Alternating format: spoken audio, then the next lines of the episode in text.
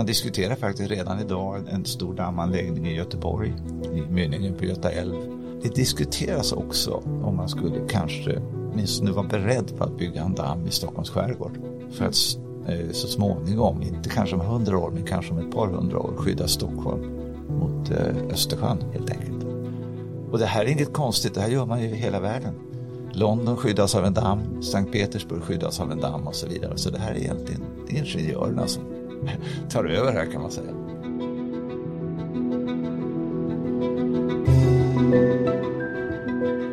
Att vi ska lyssna på klimatforskarna, det får vi ofta höra i samhällsdebatten.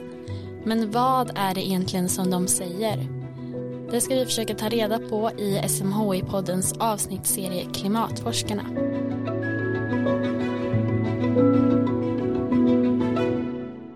Och välkomna till SMHI-podden och till det här avsnittet som ska handla om klimatanpassning.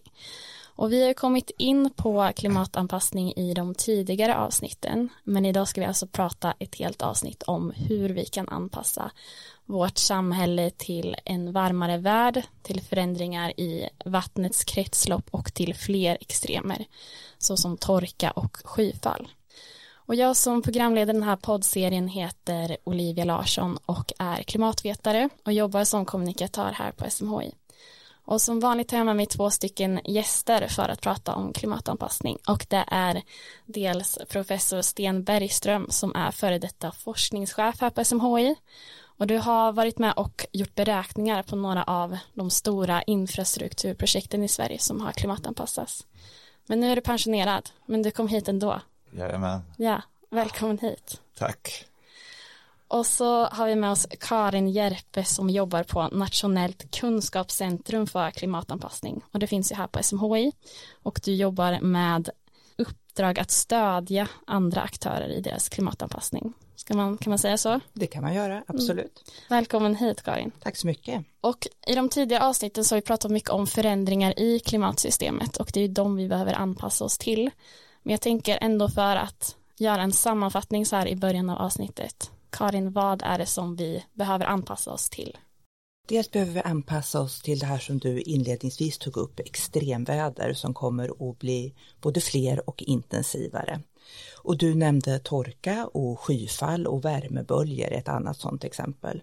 Men sen behöver vi också anpassa oss till de här mer långsamma stegvis förändringarna, att havsnivån höjs och att vi får längre vegetationsperioder. Och sen så är Sverige förstås inte isolerat utan vi är beroende av vår omvärld.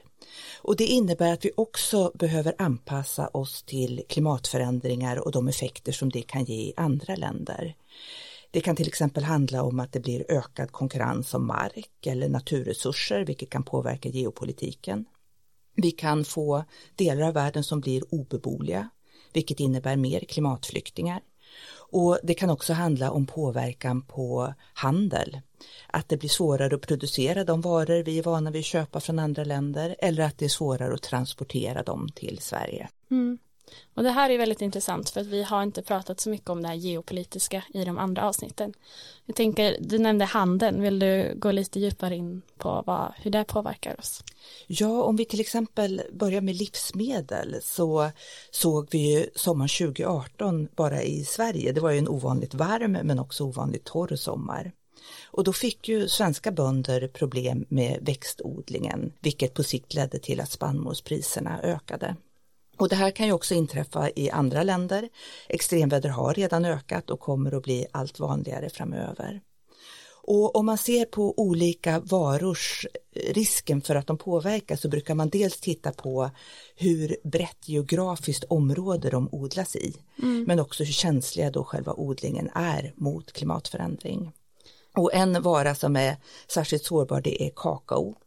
Ett annat exempel är kaffe, där är odlingen mer geografiskt utspridd men det finns en oro för att eh, torka kommer att påverka kaffeskördarna negativt.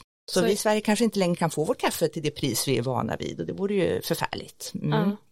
Så det handlar liksom om, om det odlas på ett stort geografiskt område så blir det mindre sårbart för ja, klimatförändringar. Precis så, precis så.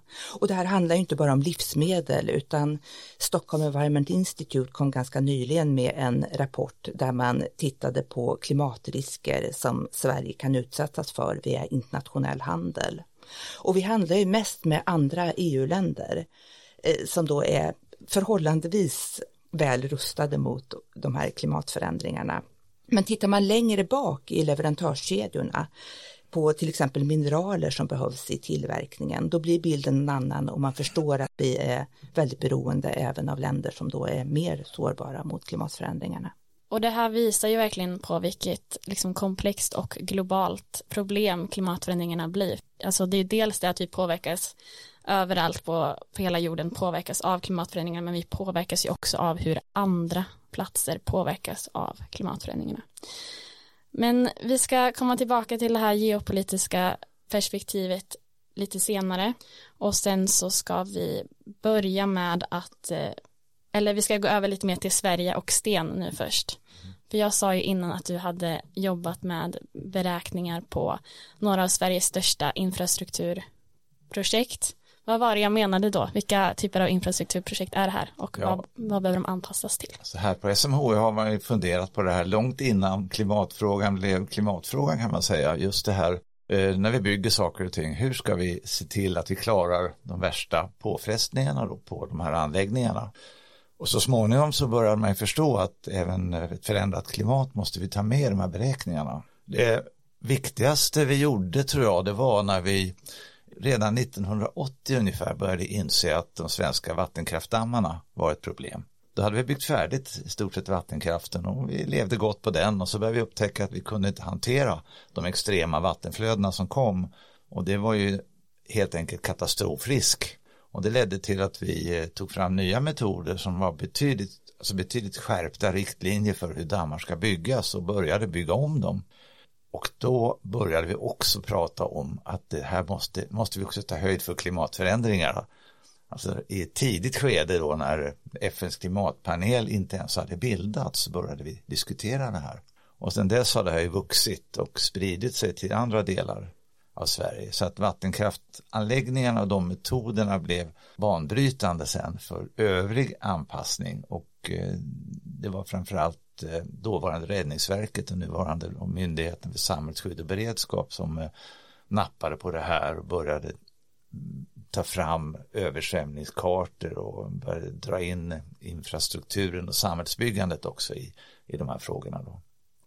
Så det har varit många exempel och vi har också fått många väderexempel som har bekräftat just de här farhågorna. Det kan vi återkomma till kanske.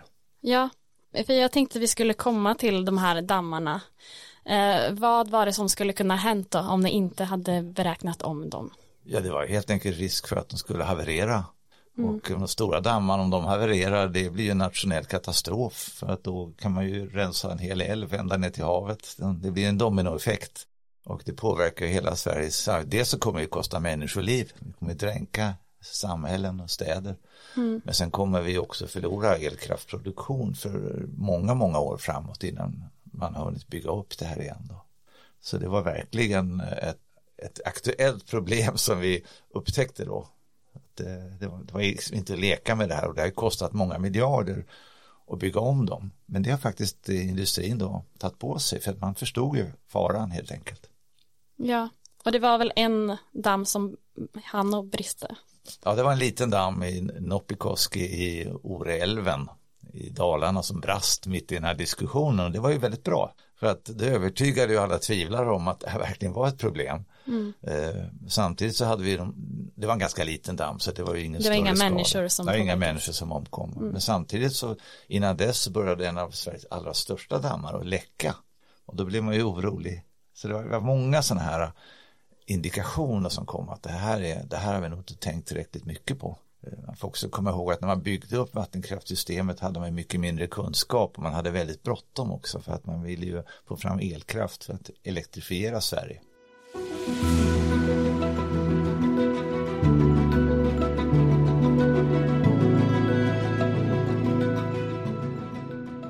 Jag tänker vi ska hoppa lite framåt i tiden för nu pratar vi om 80-talet ja. när man eh, fixade till dammarna där.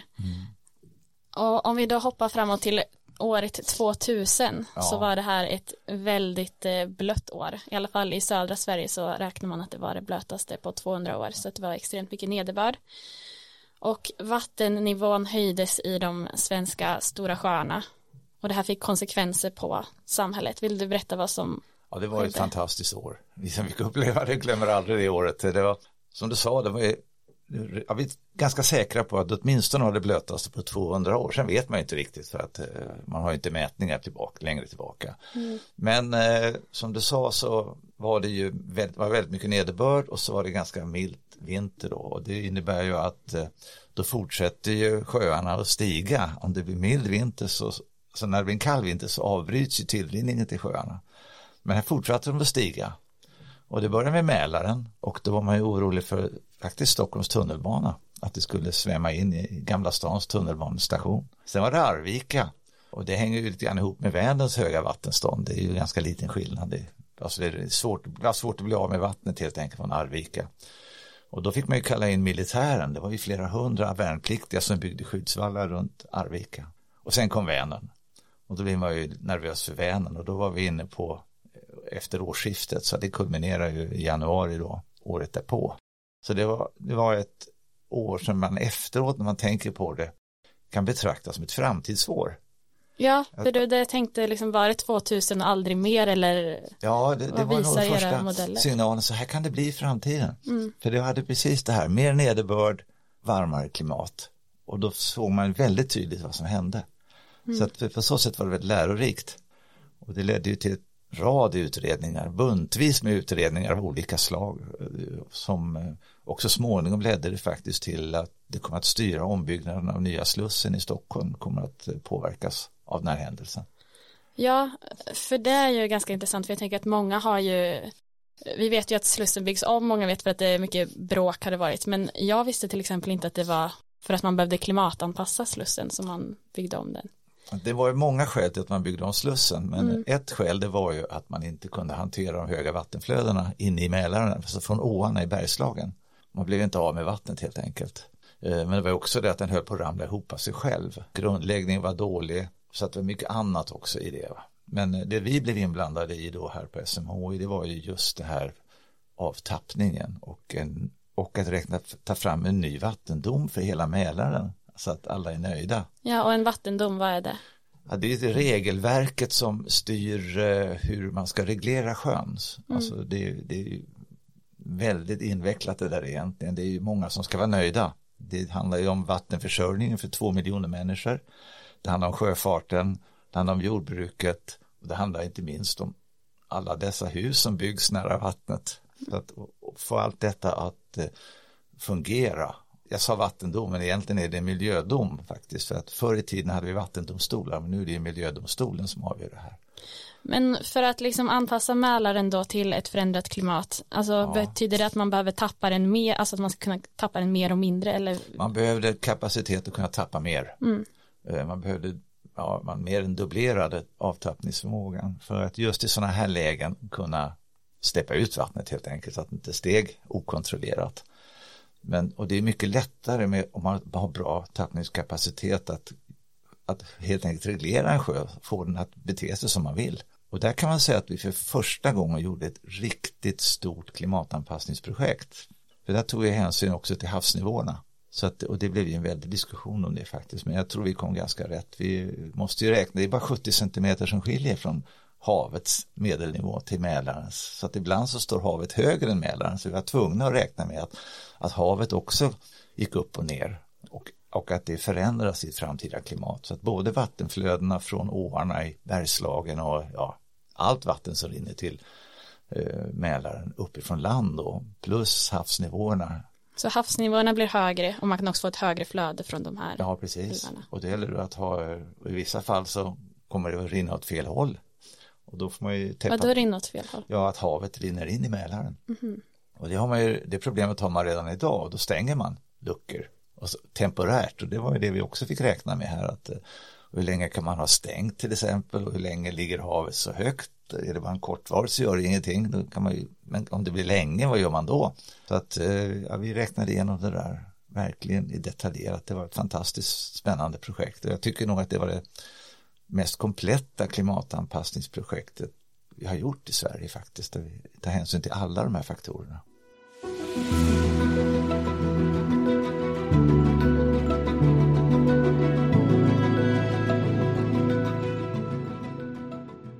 Men om vi går tillbaka lite till vad som hände då 2000, för att ja. Arvika översvämmades. Ja. Det blev stora kostnader för den kommunen och ja. Eh, nu har man byggt en damm ja. för att det här inte ska ske igen. Är det här någonting som behöver göras i fler svenska städer? Eller? Det, det tror jag. Det, Arvika är redan genomfört och det är en liten vik som går in eh, till Arvika och där var det ett sund, det var väldigt lämpligt då, då kan man bygga dammen med sundet så det var ganska enkelt. I Karlstad har man ju likadant. Där har man ju exploaterat det som kallas för inre hamnen och då är det Vänern. Och det är också ganska lätt för det är också en smalt sund in och så kan man liksom då reda ut det där. Men när man tänker sig att havet stiger då blir det en annan sak. Och vi kommer nog dit. Det är jag ganska övertygad om och då man diskuterar faktiskt redan idag en stor dammanläggning i Göteborg i mynningen på Göta älv.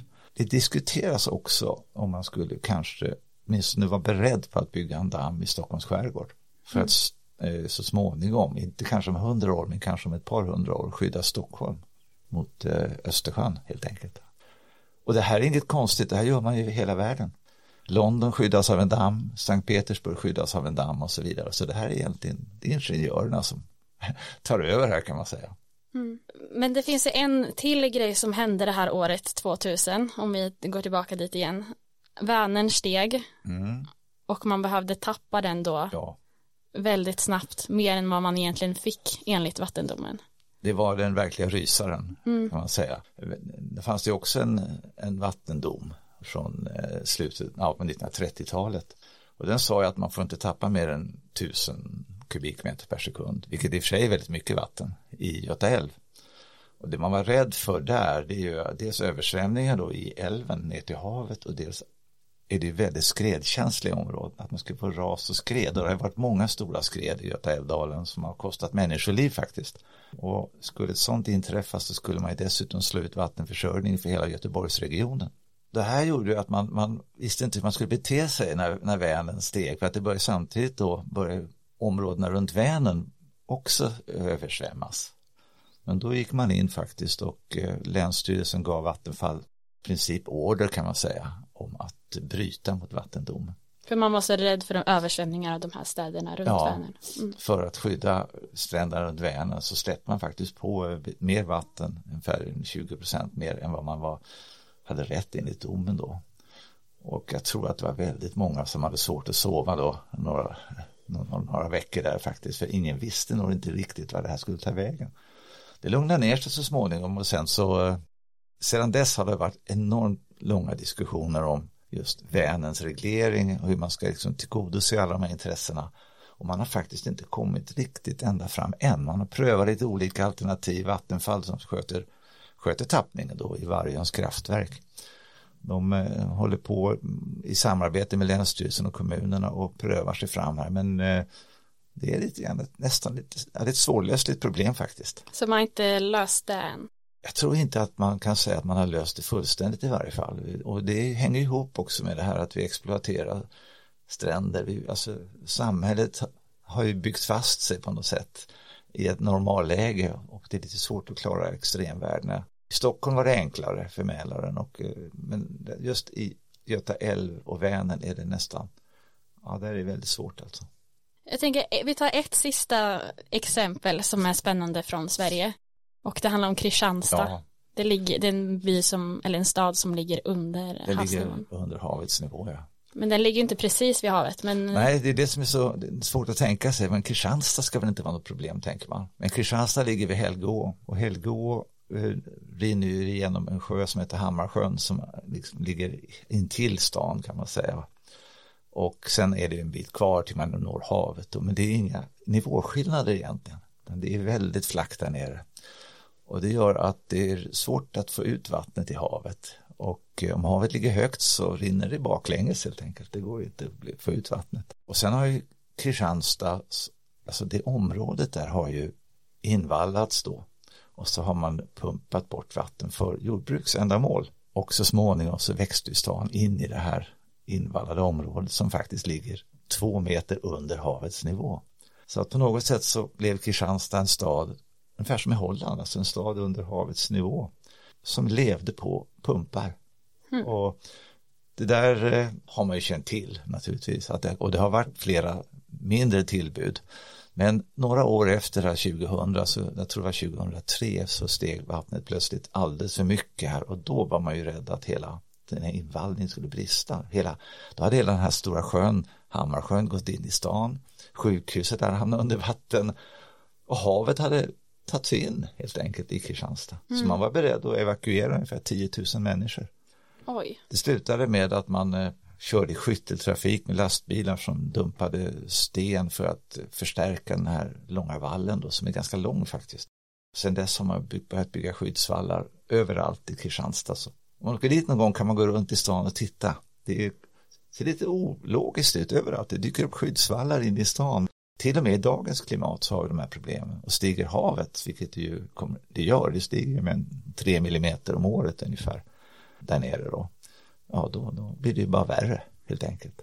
Inte, ja. Det är lite Holland över det kan man säga. Ja, vi har Sveriges Holland i Kristianstad. Det är det, ja. Mm. Man tänker inte på att vi kan ha ett sånt problem i Sverige riktigt med vallar och eh... Nej, och det som man måste tänka på då, va? då måste man ju pumpa allt regnvatten. Vad gör man av det då? Mm. Vatten kan ju inte rinna uppåt. Så det måste man pumpa. Ja, så de pumpar allt? Man har jättestor, jättestora pumpanläggningar. Så hela stan hålls torr tack vare att man har pumpar. Så fort det regnar så pumpar man bort vattnet. Ja, då har de en utmaning då i ett framtida klimat med ännu mer ja. skyfall. Men det är väl här man hamnar att eh, det blir ofta tekniska lösningar och eh, alternativet är ju att hålla till på någon annanstans mm. helt enkelt.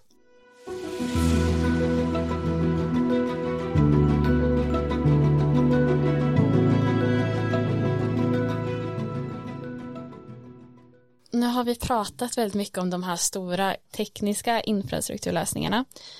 Men jag tänker att vi ska gå över lite till dig Karin och det här geopolitiska lite mer. Och i avsnitt tre av podden så pratade vi om hur IPCC menar att 3,3 till 3,6 miljarder människor är mycket utsatta för, eller mycket sårbara för klimatförändringarna. Så det innebär ju människor som inte har, lever i länder som Sverige som har den här välståndet att kunna bygga de här stora tekniska lösningarna som vi varit inne på. Va, vad gör de här människorna så sårbara och, eh, och hur ser deras anpassningsmöjligheter ut? Det handlar om människor som bor i områden där det är mycket fattigdom, där det kanske är väldigt ojämlikt, låg utbildningsnivå, det kan handla om väpnade konflikter. Och det här gör att man blir extra sårbar på den ytterligare påfrestning som ett förändrat klimat innebär. Och precis som du var inne på så har vi inte riktigt den situationen i Europa eller Sverige. De här grundförutsättningarna har ju vi löst. Men man får inte glömma bort att vi har sårbara grupper även här. Och då tänker jag bland annat på samerna där bland annat renskötseln då kan försvåras till exempel på grund av att eh, när klimatet förändras så får vi svårgenomträngliga isar eller skare som gör att renarna inte kommer åt sin mat. Och också ett annat exempel är att äldre generellt är mer sårbara mot värmeböljor. Och då eftersom att olika människor drabbas olika mycket av klimatförändringarna så är det ju ett stort en stor rättvisefråga. Och det handlar ju också om att olika människor bidrar olika mycket till klimatförändringarna. Och ett sätt som man kan se den här alltså stora rättviseperspektivet i klimatförändringarna är ju också om man kollar på hur länder behöver anpassa sig. Och nu kommer jag ta ett extremt exempel och det är önationen Kiribati i Stilla havet som förväntas att helt ligga under vatten i framtiden. Och här får ju regeringen driver en sorts Eh, klimatanpassningspolitik som går ut på att hela befolkningen ska migrera till andra länder under de kommande decennierna. Så det är ju kanske eh, exemplet på liksom den mest extrema typen av klimatanpassningspolitik. Medan i Sverige så har vi mer de här infrastrukturlösningarna och vi kanske också behöver anpassa oss till att det kommer fler flyktingar. Ja, men vi kan ju, jag, jag håller med dig, det är väldigt mycket rättvisa aspekter i det här arbetet. Och både utifrån de perspektiven som du beskrev nu, vem har orsakat problemet och, och att olika drabbas olika hårt. Eh, men sen finns det ju också en rättviseaspekt i själva anpassningsarbetet. Att de åtgärder som vi vidtar kan gynna vissa och missgynna andra. Så det är viktigt att man även i anpassningsarbetet ställer sig frågan vilka kan drabbas? Eh, har alla råd att genomföra de eh, anpassningsåtgärder på sina fastigheter som behövs så kan alla människor ta sig till de områden där man kan få svalka i samband med värmebölja. Så, så det är, rättviseaspekten är väldigt viktig i det här ur flera olika perspektiv.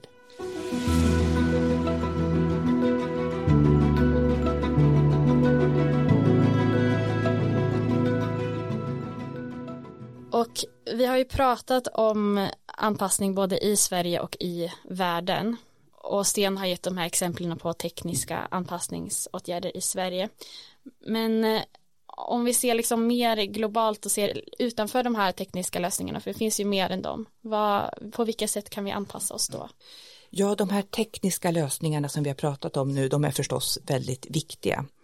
Eh, och nu börjar man prata mer och mer om både på FN-nivå, IPCC och på EU-nivå att vi behöver ekosystembaserad anpassning eller naturbaserade lösningar. Och det handlar då om att man använder naturen för att möta de risker som man har identifierat. Det kan till exempel handla om att man anlägger grönytor eh, som då tar hand om en del av det regn som faller i samband med ett skyfall och minskar översvämningsrisken. Eller att man planterar träd för att skapa skugga och svalka i samband med värmeböljor. Och man pratar också mer och mer om multifunktionella lösningar, att det inte bara ska eh, hantera den risk, klimatrisk som man har identifierat, utan att det också ska göra andra nyttor. Och i de här exemplen tidigare så kan man ju tänka sig att grönytor och träd eh, också kan gynna biologisk mångfald eller att det kan skapa en trevligare stad med bättre luftkvalitet till exempel. Men allt det här är ju fysiska åtgärder och vi behöver också informativa åtgärder. Kommunerna behöver information om vilka delar av deras geografiska område som är översvämningskänsliga till exempel. Och var och en av oss behöver veta hur vi ska agera om det kommer en vädervarning. Vi behöver analyserande åtgärder vi behöver förstå vilka risker som kan uppstå för oss eller vår organisation när klimatet förändras och vi behöver lära mer om vilka åtgärder som är särskilt effektiva. Och sen behöver vi också organisatoriska och styrande åtgärder. Och det kan handla om att det är tydligt vem som har ansvaret om någonting händer, om en extrem väderhändelse inträffar. Eller att vi faktiskt har lagar som reglerar vad olika aktörer behöver göra. Och kan du, finns det något exempel på en sån typ av lag? Ja men det gör det. Alltså i Sverige så har vi en förordning om myndigheters klimatanpassningsarbete till exempel. Och den här förordningen den reglerar då att 32 nationella myndigheter och alla länsstyrelser ska jobba med klimatanpassning. Och ett annat exempel det är att plan och bygglagen faktiskt reglerar att kommuner i sin översiktsplan ska redovisa risken för skador på den byggda miljön och då är det skador som orsakas av översvämning, ras, skred och erosion och också hur de här riskerna ska minska. Så vi har redan sådana delar av sådana lagar på plats i Sverige. Ja.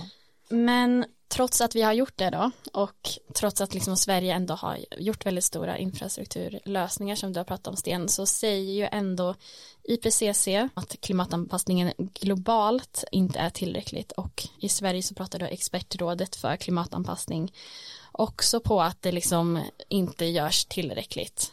Hur skulle ni beskriva läget för klimatanpassning? Ja, vi har ju gjort en hel del eh, redan. Det finns en hel del goda exempel, även om det behövs mycket mer. Och i det här avsnittet har vi ju pratat mycket om översvämning. Och det är ett område som vi har kommit förhållandevis långt med, även om det som Sten var inne på tidigare förstås finns mycket kvar att göra där också. Men andra utmaningar har vi kommit lite kortare med, som det här med transnationella effekter till exempel. Det är någonting som vi behöver jobba betydligt mer med framöver. Och, och, när du pratar om det här med anpassning så vill jag också gärna lyfta att det kommer inte att gå att anpassa sig till allt. Mm. Det är väldigt viktigt att ha med sig förståelsen för det. Att, att höjs medeltemperaturen över en viss nivå så kommer vissa arter och ekosystem att dö ut. Det finns ingenting vi kan göra för att anpassa. Och även för samhället så blir det både dyrare och svårare att anpassa ju mer klimatet kommer att förändras. Mm. Sten, vill du säga något? Ja, eh, jag tycker också att vi har gjort rätt så mycket. Åtminstone några sådana här stora, riktigt stora infrastruktursatsningar. Då har man verkligen diskuterat det här. Vi har ju, jag nämnde Slussen, men vi har ju Västlänken i Göteborg. Det har också varit en viktig fråga. Till exempel då. Och det kanske är lättare för de stora kommunerna som har den expertisen och har de resurserna och i de här stora projekten. Men i mindre kommuner är det nog ganska svårt det här och speciellt då med den befintliga bebyggelsen. Den står ju där mm. och det är inte så himla lätt eh, när plötsligt förutsättningarna ändras. Så att där har vi en svårighet. En annan svårighet som är generell tycker jag, det kräver väldigt mycket av beslutsfattarna, det är ju att forskningen är ju dynamisk. Man får ju nya scenarier hela tiden och det kommer nya besked från IPCC. De är ganska likna, lika varandra ändå, förhållandevis i varje fall. Men hur ska man bete sig när man får en kvast av scenarier som pekar åt lite olika håll? Hur ska man då utforma sitt beslut? Det mm. kräver att man tänker på ett lite annat sätt, alltså att man bygger mer flexibla lösningar där man kan anpassa efterhand. Och där tror jag har en bit att gå. Ett exempel är ju havsnivåerna hur högt kan havet stiga och när ja. och med vilken sannolikhet stiger över en viss nivå. Där har vi väldigt mycket kvar och det, där måste vi ta hjälp av utlandet. Det är ju samma hav så vi kan ju ta, det finns ju expertis runt hela jorden som man kan diskutera det här med. Men när du pratar då att ni har väldigt mycket kvar där, menar du att ni har kvar att förstå hur havet stiger eller kvar att förstå hur man ska anpassa sig? Ja, både och. Alltså, första hand förstå hur snabbt går havsnivåhöjningen och var, var slutar det? Mm. Det kommer inte sluta om hundra år utan det kommer fortsätta och sen då vad ska vi fatta för beslut? Ska vi bygga skyddsvallar och fortsätta bygga hus eller ska vi flytta hela stan? Ska mm. vi flytta uppåt landet när, vi, när staden växer? Det är ju riktigt stora eh, strategiska beslut som måste fattas och det är, det är situation vi har idag redan i de stora städerna i Sverige. Och nästan alla städer ligger ju vid havet. Ja, folk vill ju bo vid havet. Ja, det är så. Mm. Det vill vi alla. ja, och då blir det ju lite, det blir lite svårt när havet stiger. Ja. Men vad, ja du var inne på det lite då, men vad skulle ni säga att det finns för hinder för klimatanpassningsarbetet idag? Jag, jag håller med Sten här att resurser är någonting som lyfts av både nationella myndigheter och länsstyrelser och kommuner. Och då handlar det både om att man inte har tillräckligt mycket resurser för att själv kunna jobba strategiskt och bra med de här frågorna, men också kostnaderna för att hantera de här stora eh, projekten. Och, och samtidigt så så tycker jag att det, det finns mycket klimatanpassning som inte kostar så där vansinnigt mycket. Eh, Sten nämnde i förbegående här att låta bli att bygga nya bostäder i översvämningskänsliga områden. Ja, det känns jättebilligt. Ja, förutom att man kanske vill ha eh, bostäder därför att man kan tjäna pengar på det. Men precis, det är ju ganska enkelt att göra och när man ändå gör om någonting, när man ändå bygger om en väg, att man kanske kan passa på att göra den till en skyfallsväg då. Mm. Och dessutom så de här informativa åtgärderna, att ta fram rutiner för hur vårdboenden ska agera i samband med en värmebölja och sen följa dem, det är ju inte heller associerat med några jättestora kostnader. Men ett annat hinder tror jag är att det finns få universallösningar. Det är svårt att gå ut och säga att ja men gör så här så kommer det att bli jättebra. Utan olika delar av Sverige har olika problem, olika organisationer har olika risker. Och dessutom så behöver man då anpassa sina anpassningsåtgärder till de lokala förhållandena. Och ett tredje hinder det är det här med målkonflikter. Det finns mycket synergier i klimatanpassningsarbetet. Men det finns också målkonflikter som behöver hanteras både inom den ena organisationen och också mellan olika sektorer. Kan du ge exempel på en sån? Ja, men det kan jag. Man skulle kunna tänka sig att eh, åtgärder som skulle kunna gynna livsmedelsproduktionen och skydda den kanske inte alltid är så bra för biologisk mångfald. Så därför är det viktigt att man har ett helhetsperspektiv i det här arbetet och det behövs mycket samverkan. Och inom IPCC så pratar man mycket om klimatresilient utveckling. Man menar att den anpassning vi har haft hittills eh, ofta möter ett, en viss klimatrisk som redan har uppstått, att det sker fragmenterat, att det är småskaligt, att det sker inom en viss sektor. Medan det forskningen visar att vi skulle behöva, det är ett arbete där åtgärderna för att minska utsläppen och för att anpassa samhället till ett förändrat klimat går hand i hand och bidrar till en hållbar utveckling ur alla hållbarhetsperspektiv mm. och för alla människor. Och det här är naturligtvis stort och, och, kan upplevas som svårt att hantera de här potentiella målkonflikterna och försöka få så mycket synergier som möjligt.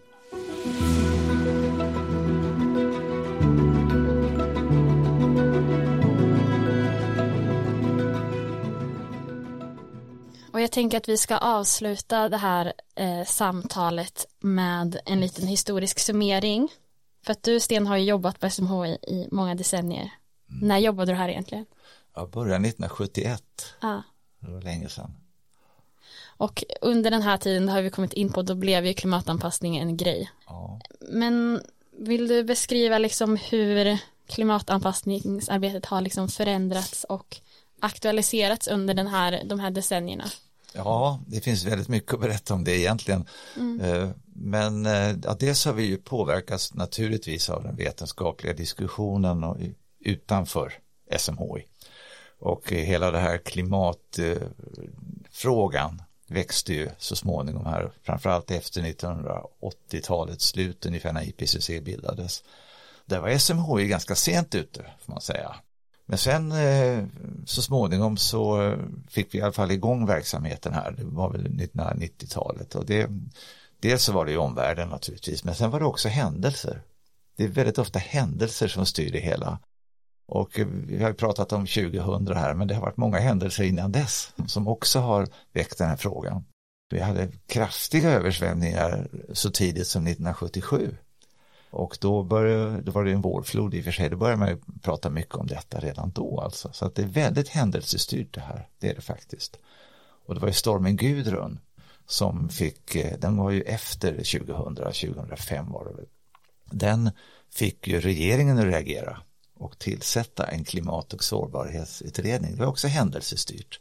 Men som sagt, sen har ju, jag ska säga den vetenskapssamhället också hjälpt till och samarbetet med eh, universiteten och när vi kom med i EU, vi kom in i en massa projekt som hade med klimat och klimatanpassning att göra. Det, det lyfte ju verkligen eh, vår verksamhet här på SMHI. Mm. Och forskningen växte ju då snabbt från att vara från början ett 30-tal personer under början av 1990-talet till att idag vara en bra bit över 100.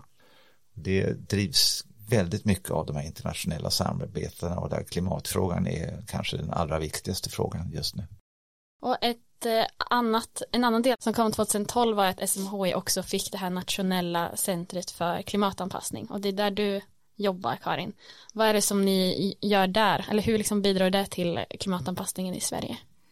Ja, vi ska vara en nod för kunskap det handlar om att samla in och tillgängliggöra och sprida kunskap om just klimatanpassning. För det är ju viktigt att man har en förståelse både för klimatförändringar och för klimatanpassning för att kunna jobba bra med de här frågorna. Och det vi gör då, vi utvecklar till exempel verktyg, vi sprider förstås verktyg som andra tar fram, men vi har också utvecklat egna verktyg där vi tycker att det har saknats. Eh, till exempel en lathund för klimatanpassning som beskriver hur kommuner främst då kan arbeta strukturerat och cykliskt med eh, klimatanpassning. Och vi eh, jobbar mycket med samverkan. Vi leder ett myndighetsnätverk för klimatanpassning och i det här nätverket så ingår massa olika myndigheter, Boverket, Energimyndigheten, Livsmedelsverket, Sametinget, totalt 29 nationella myndigheter. Och tanken med det här är att vi ska eh, dela information, stärka varandra och också stärka samhället i övrigt genom att myndigheterna får en mer gemensam front. Och det här myndighetsnätverket, vi har också en webbplats, en webbportal som heter klimatanpassning.se. Men sen så arbetar vi för att sprida kunskap om både klimatförändringar och klimatanpassning brett i samhället.